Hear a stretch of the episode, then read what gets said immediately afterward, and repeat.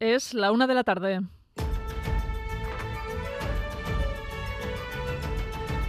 Crónica de Euskadi con Irache Ruiz.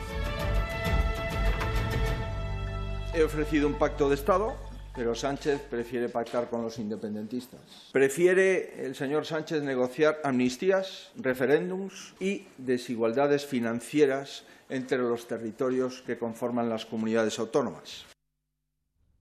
A León, ¿qué tal? Núñez Feijóo ya no aspira a gobernar España durante una legislatura. En su reunión con Pedro Sánchez le ha pedido que los socialistas posibiliten su investidura para desactivar a los nacionalistas y poder cerrar seis pactos de Estado en 24 meses. El presidente en funciones le ha respondido que no y le emplaza a renovar el Consejo General del Poder Judicial antes de que acabe el año. Madrid, Nerea Sarriegui. Sí, el PP pide al PSOE que facilite la investidura de Alberto Núñez Feijo, que le deje ser presidente al menos durante dos años. Tras ese periodo se celebrarían elecciones generales. Es el primer punto de un acuerdo de ocho páginas que plantea seis pactos de Estado abiertos, dicen, a todos los partidos que respeten la Constitución, con una premisa, el rechazo frontal a los referéndums de independencia. Pedro Sánchez le ha dejado clara ya su respuesta, es un no, y le ha instado a renovar antes de que acabe el año el Consejo General del Poder Judicial. Ante, pues, ante ese riesgo de repetir elecciones en cuatro meses, Feijó le pide a Sánchez 24 para cerrar seis pactos de Estado.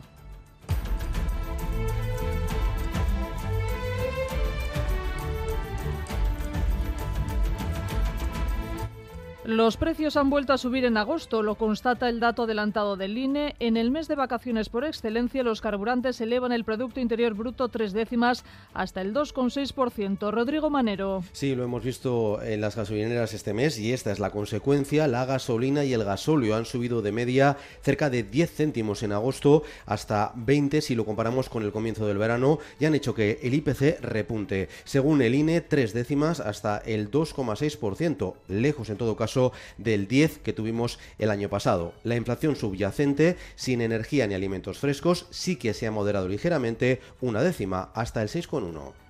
Seis personas han sido arrestadas acusadas de narcotráfico en Vizcaya y La Rioja. Se han incautado 270 kilos de drogas, en el que se considera ya uno de los mayores golpes en el norte del estado. La base de operaciones estaba en Baracaldo y Fica, José Luis Fonseca. Sí, operación conjunta en la que la Archanza y la Guardia Civil han desarticulado una organización criminal dedicada al tráfico de drogas con base operativa en Vizcaya y en la que han sido detenidas seis personas que ya están en prisión en los registros en diversos lugares de Vizcaya, Araba, Cantabria y La Rioja. Se han incautado 270 kilos de diferentes drogas, entre ellas 58 kilos de cocaína, cuyo total valor total en la calle podrían superar los 17 millones de euros. Se trata de uno de los golpes más importantes del presente año al tráfico de estupefacientes en la zona norte de la península. Y una mujer de 36 años ha sido asesinada en Béjar, Salamanca, presuntamente a manos de su pareja. La policía ha detenido al sospechoso cuando éste amenazaba con tirarse por un viaducto. Es la sexta mujer asesinada en el Estado este mes de agosto. El Ministerio de Igualdad ya ha convocado para el lunes el Comité de Crisis para analizar los últimos crímenes machistas.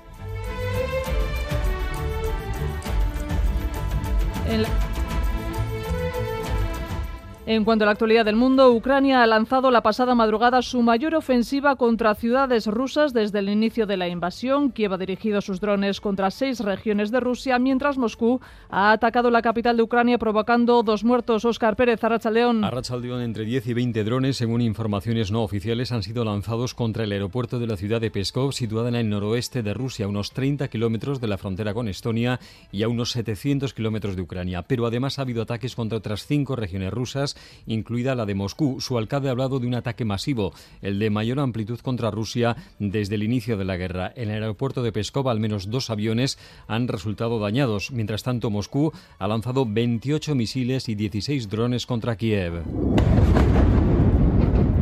Casi todos han sido derribados, han sido lanzados contra esa ciudad, pero han provocado daños y víctimas al caer los restos sobre los edificios. Hay dos muertos y un herido. Un ataque con esta intensidad no se vivía en Kiev desde la primavera pasada.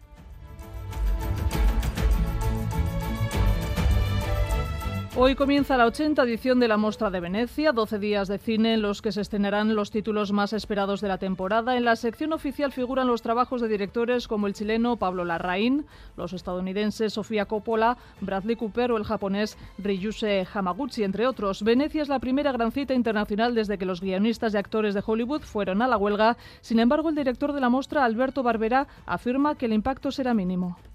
Per fortuna l'impatto, le conseguenze dello sciopero degli attori è molto modesto sulla mostra. In realtà l'unico film che abbiamo perso rispetto a quello che pensavamo è il film d'apertura, il bellissimo film di Luca Guadagnino. Por cierto, que el bilbaíno Víctor Iriarte competirá en la sección Jornadas de los Autores de la mostra con sobre todo la noche su primer largo de ficción.